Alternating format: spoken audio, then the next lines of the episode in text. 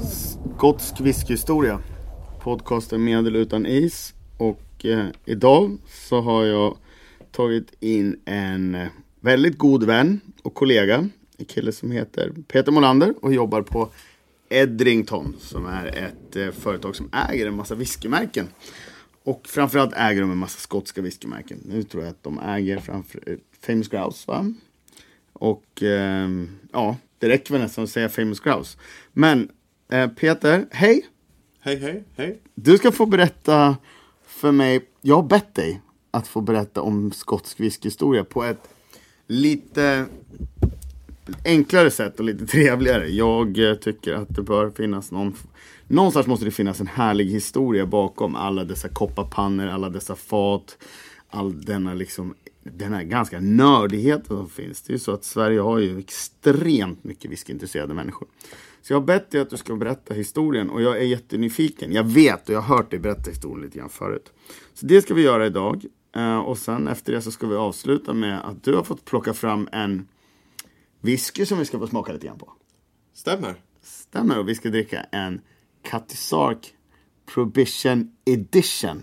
Yes, 50% extra stark idag. Extra stark, precis. Och fick jag döpa om min podcast så skulle jag nog döpa den till Prohibition Edition. För det tyckte jag var jävligt häftigt att säga.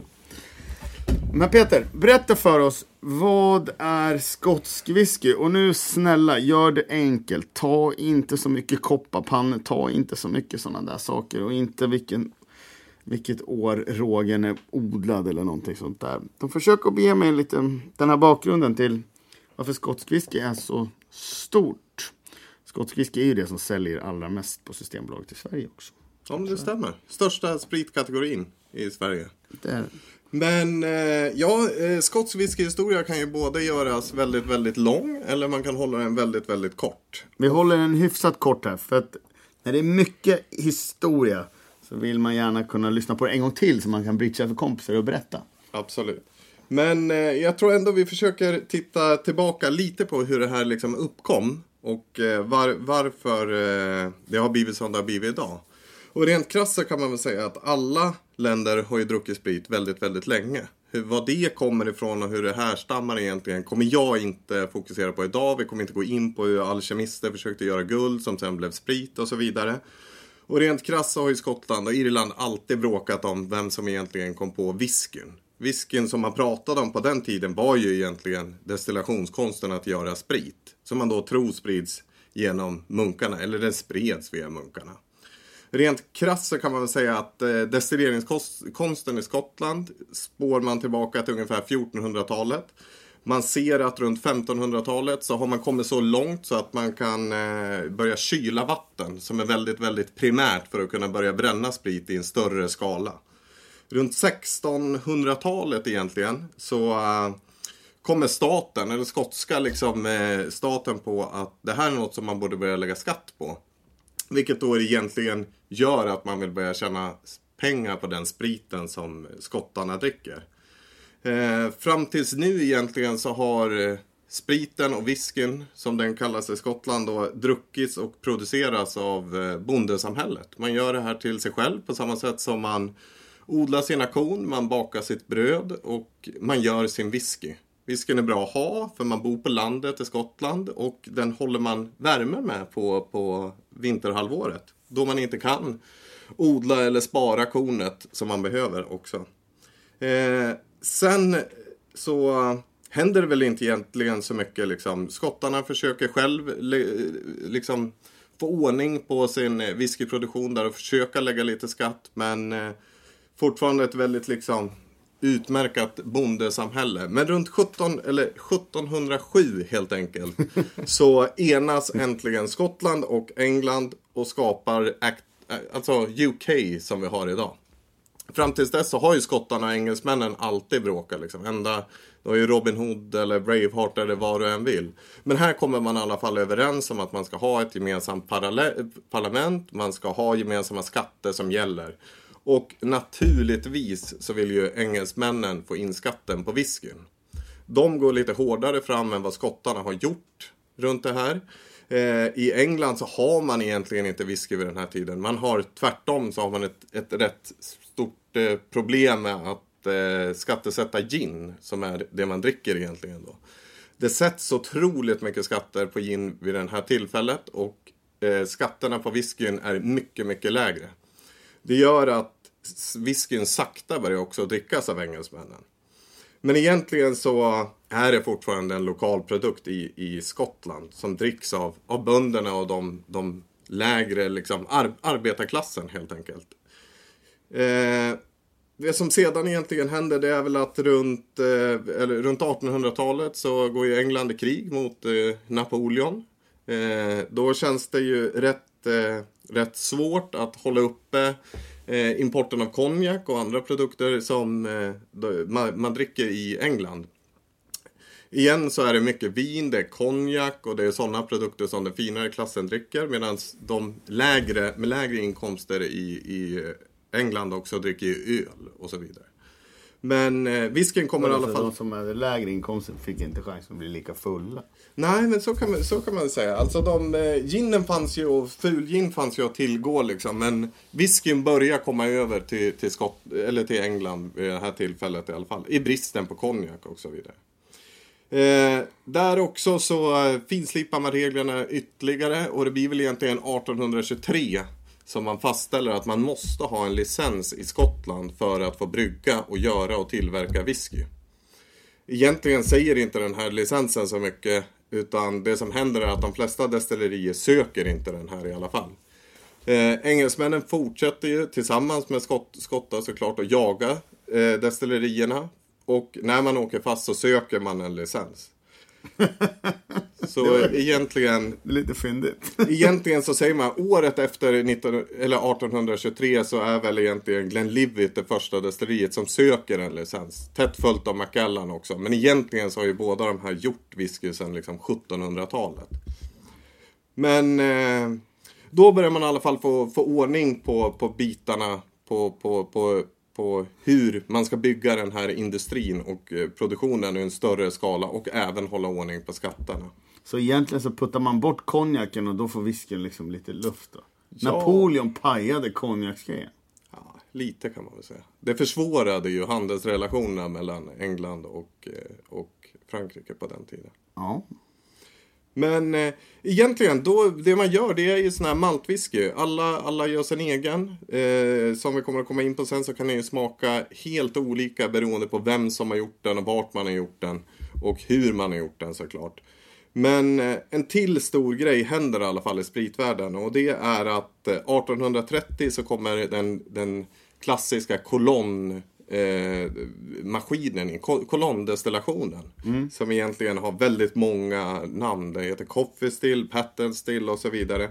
Och egentligen det som den här gör det är att eh, man kan kontinuerligt bränna sprit och få upp den till en mycket, mycket högre procent än vad man tidigare har gjort. Förut har man liksom bara blivit tvungen att koka en kittel liksom. Precis. Man eh, laddade en batch i sin kastrull helt enkelt. Man kokade det här, gjorde sin sprit. Sen var man tvungen att tvätta ur det här och sätta en ny batch.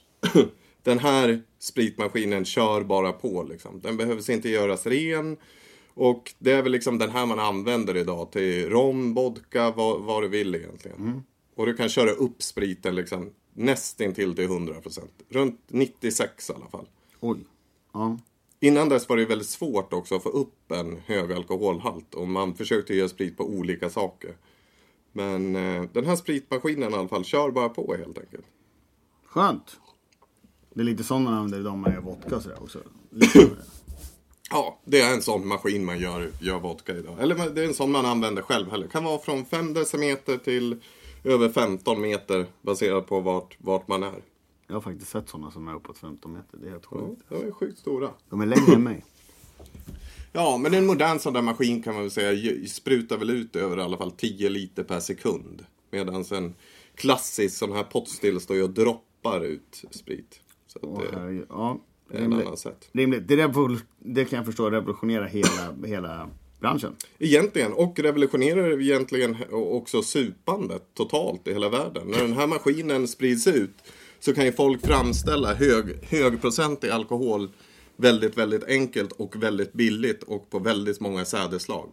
Så att eh, drickandet kommer också igång. Även det osunda och det dåliga drickandet. Men egentligen här händer i slutet på 1800-talet den största grejen som kommer att bli startskottet på, på hur skotsk whisky börjar ta över världen. Sorry. Kan vi inte hälla upp den här nu när jag sitter och hostar? Jo, gör det. Vi häller upp. Vi kör lite... Oj, där har vi en sån där ploppkork. Oj, ja, det, Ja. det, det är bra. Det, du, du hade en liten fake förkylning här mitt i. ja. Nej, men egentligen. Startskottet som gör att eh, skotsk whisky börjar exporteras. I slutet på Jag vill inte 1800-talet. smaka nu. Den, den luktar gott. Skål. Det du som här blev det ingen is. Det blev medel utan is, ingen is. Skål. Och, ja, det är lite starkt. Men det är väldigt annorlunda mot för att dricka bourbon tycker jag. Det är liksom lite, Lite mer karaktär kanske. ja, och lite mindre smak. Släpp det där nu. I alla fall, slutet på 1800-talet. Första stora grejen för skotsk whisky. Eh, från Amerika så kommer det en eh, parasit, eller en vinlus helt enkelt, som man först hittar i Languedoc runt 1860-talet. Den här vinlusen kommer att äta upp och förstöra cirka 70% av Frankrikes alla vingårdar. Vingårdar och runt om i Frankrike så, så innebär ju här också att konjak, champagne, som jag även har varit, alltså i champagne runt Bollinger så finns det ett litet fält som är lika stort som en fotbollsplan ungefär. Och det är hela området i champagne där det fanns vinranker kvar under den här perioden. Och där har du varit vad jag för mig. Ja, det var det jag sa. Ja, nej, du sa att i Bollnäs, men jag kom på nu att du har varit. Jo, men det är rätt fascinerande att se. Och det förklarar ju helt enkelt, om man, man står där och tittar på det där så förstår man ju att det blir väldigt svårt att eh, sköta en export på den produktionen. Så vad som händer egentligen, det är att engelska medelklassen i eh, slutet på 1800-talet behöver en ny dryck. Vinhandlarna också har inget vin att sälja. Och man börjar ta den skotska whiskyn och buteljera den och försöka sälja till medelklassen. Det här går sådär.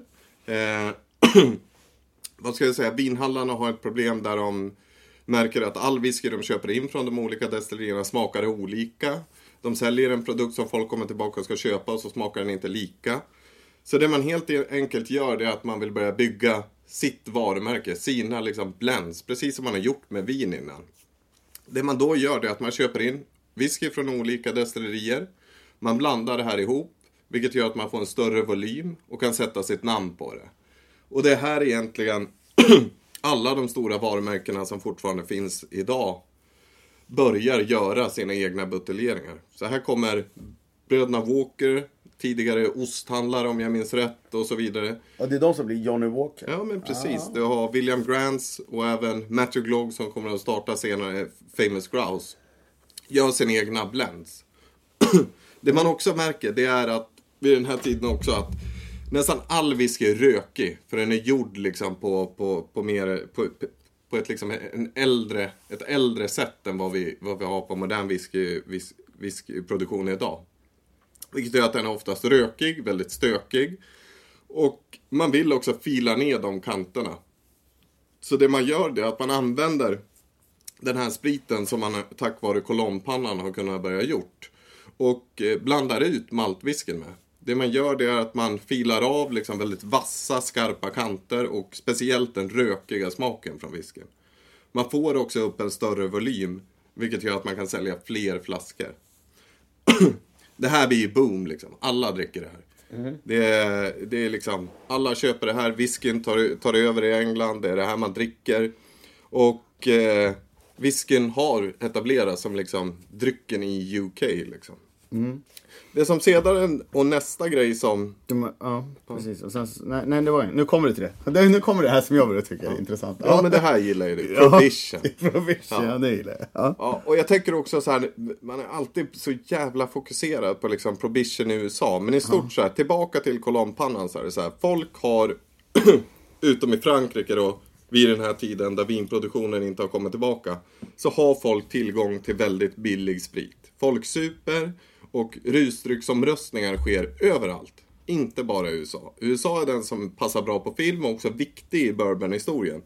Men samtidigt som prohibition infaller i USA så är det redan totalt spritförbud i både Finland och Norge. Eh, vi kommer två år efter prohibitions införande i USA ha en rusdrycksomröstning i Sverige. Mm. Där egentligen vi, vi, vi, vi, vi, vi, vi vinner, säger jag. Men egentligen där, där liksom nej-sidan till, till förbjudet vinner knappt.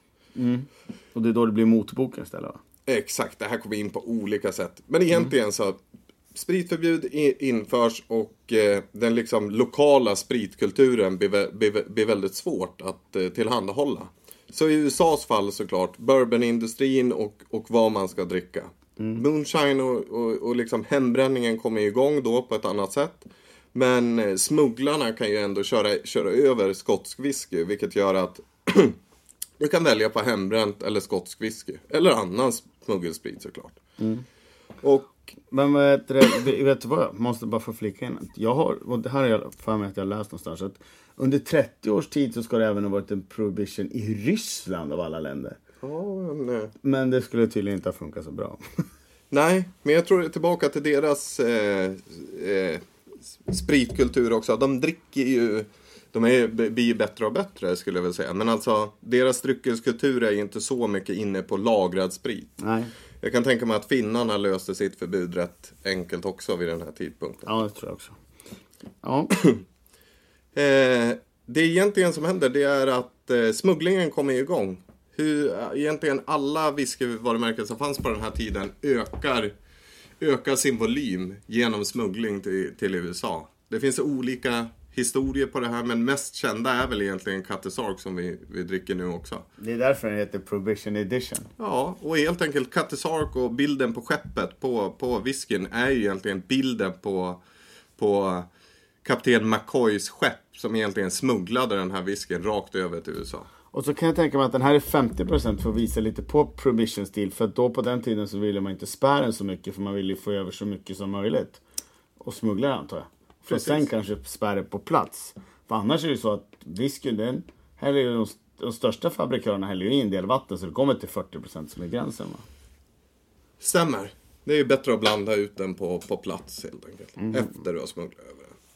Ja. Men egentligen, man, eh, Scott, Scott etablerar sig som findrickat under den här perioden och när prohibition sedan är över så, så är liksom scotch här för att stanna. stanna. Medan amerikanska dryckesindustrin sakta bygger upp sig igen så finns stora varumärken som Johnny Walker med flera som bara kliver rakt in och levererar god kvalitativ sprit till eh, folket.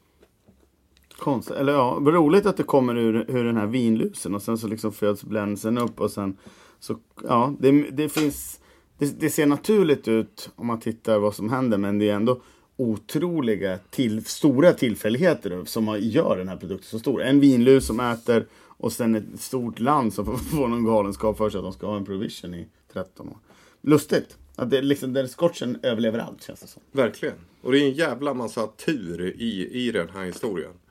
Och eh, man kan väl säga att det här bara, det fortsätter. Det blir nya lagar och så vidare. Eftersom exporten har blivit så stor så sätts det lagar på hur det här ska göras. hur det ska lagras.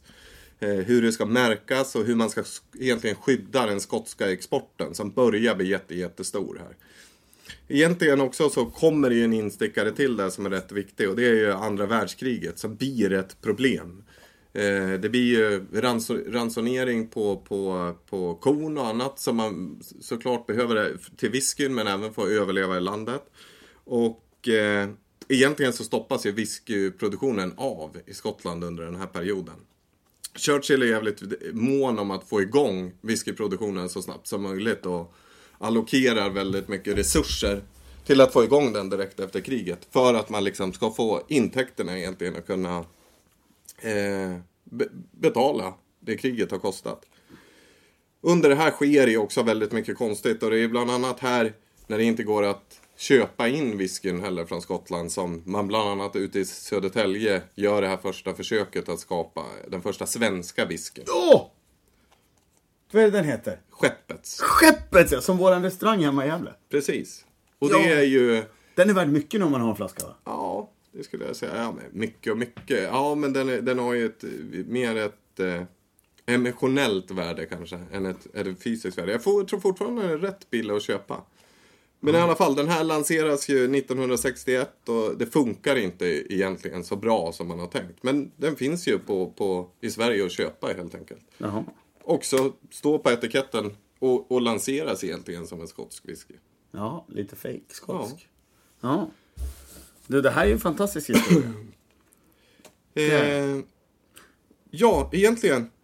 Vi, vi är ju där framme då där vi är liksom. Scotch blend, blended whisky har tagit över världen. Det dricks i USA, det dricks i Europa, det dricks över, överallt helt enkelt. Och är liksom lyx, lyxdrickat skulle jag säga. Och då pratar vi ändå om blended whisky. Det är den och, så, det är den och champagne som blir liksom västvärldens statussymbol nummer ett på något sätt. Ja, men det skulle jag säga. Och eh, ja, men, men i stort så är det ju också alltså blended whisky har ju nu fått liksom, alltså vi har ju också single malt whiskyn som senare kommer in, men är egentligen en rätt ny företeelse. Man brukar ju säga att liksom single malten kommer någonstans runt 60-talet. Som egentligen bygger på att man har så mycket blended scotch i Skottland. Så, så maltdestillerierna testar att börja lansera och buteljera sin, sin, sin egna specifika whisky igen. Precis som man gjorde för extremt länge sedan. Whiskymarknaden är ju då liksom mognad i många länder och folk, folk fastnar för den här produkten. Men än idag, 90% i alla fall av whiskyn som lämnar Skottland är blends. Ja. Minimum. I Sverige är väl försäljningen cirka 18% maltwhisky, om jag minns rätt, versus blended whisky. Vilket är extremt, extremt högt. Jag tror att eh, Edrington säljer ungefär 1,2 miljoner 70 centiliters flaskor per år på Systembolaget i Sverige. Det tror jag stämmer. Och det är också tillbaka till hur viktigt det här är för Skottland. Det är liksom är 1,2 miljarder flaskor skotsk whisky som lämnar Skottland varje år. Det motsvarar 2 500 flaskor varje minut. Oj. Det drar också in då cirka 135 pund per minut till Storbritanniens ekonomi. Och man snackar om att det motsvarar ungefär 20% av hela Storbritanniens totala export av mat och dryck. 20. Procent. Godnatt då med Brexit. Ja, Brexit kan ju bli ett problem. Men... Eh, och det är så här, det är ingen riktigt som vet vad som kommer hända. Nu börjar vi ju sakta närma oss och jag tror det är i mars 2019 som egentligen eh, vi, vi, säger, UK lämnar avtalet. Men eh, det är ett tag kvar och egentligen så är det alla de här handelsavtalen som måste, måste förhandlas om. Alla skotska whiskydestillerier skulle jag säga röstade ju såklart för att stanna i, i EU. Och även Skottland som land röstade för att stanna i EU. Egentligen så tror man väl att det här kommer ju egentligen att påverka handeln vilket kommer att eventuellt sen påverka kostnaden för, för godset som ska transporteras över gränserna. Jag förstår. Men du, vilken fantastisk historia. Jag tycker att eh, kan vi eh, ta en sista skål? Ja. Eller är det någonting mer som du vill tillägga? Nej, jag vet inte. Jag tycker att det var bra. Det var ungefär det jag ville höra och jag gillar den här historien med... Jag tycker om att förstå kontexten och sammanhanget på varför skotsk whisky finns. Hörru, skål och tack för din tid. Skål.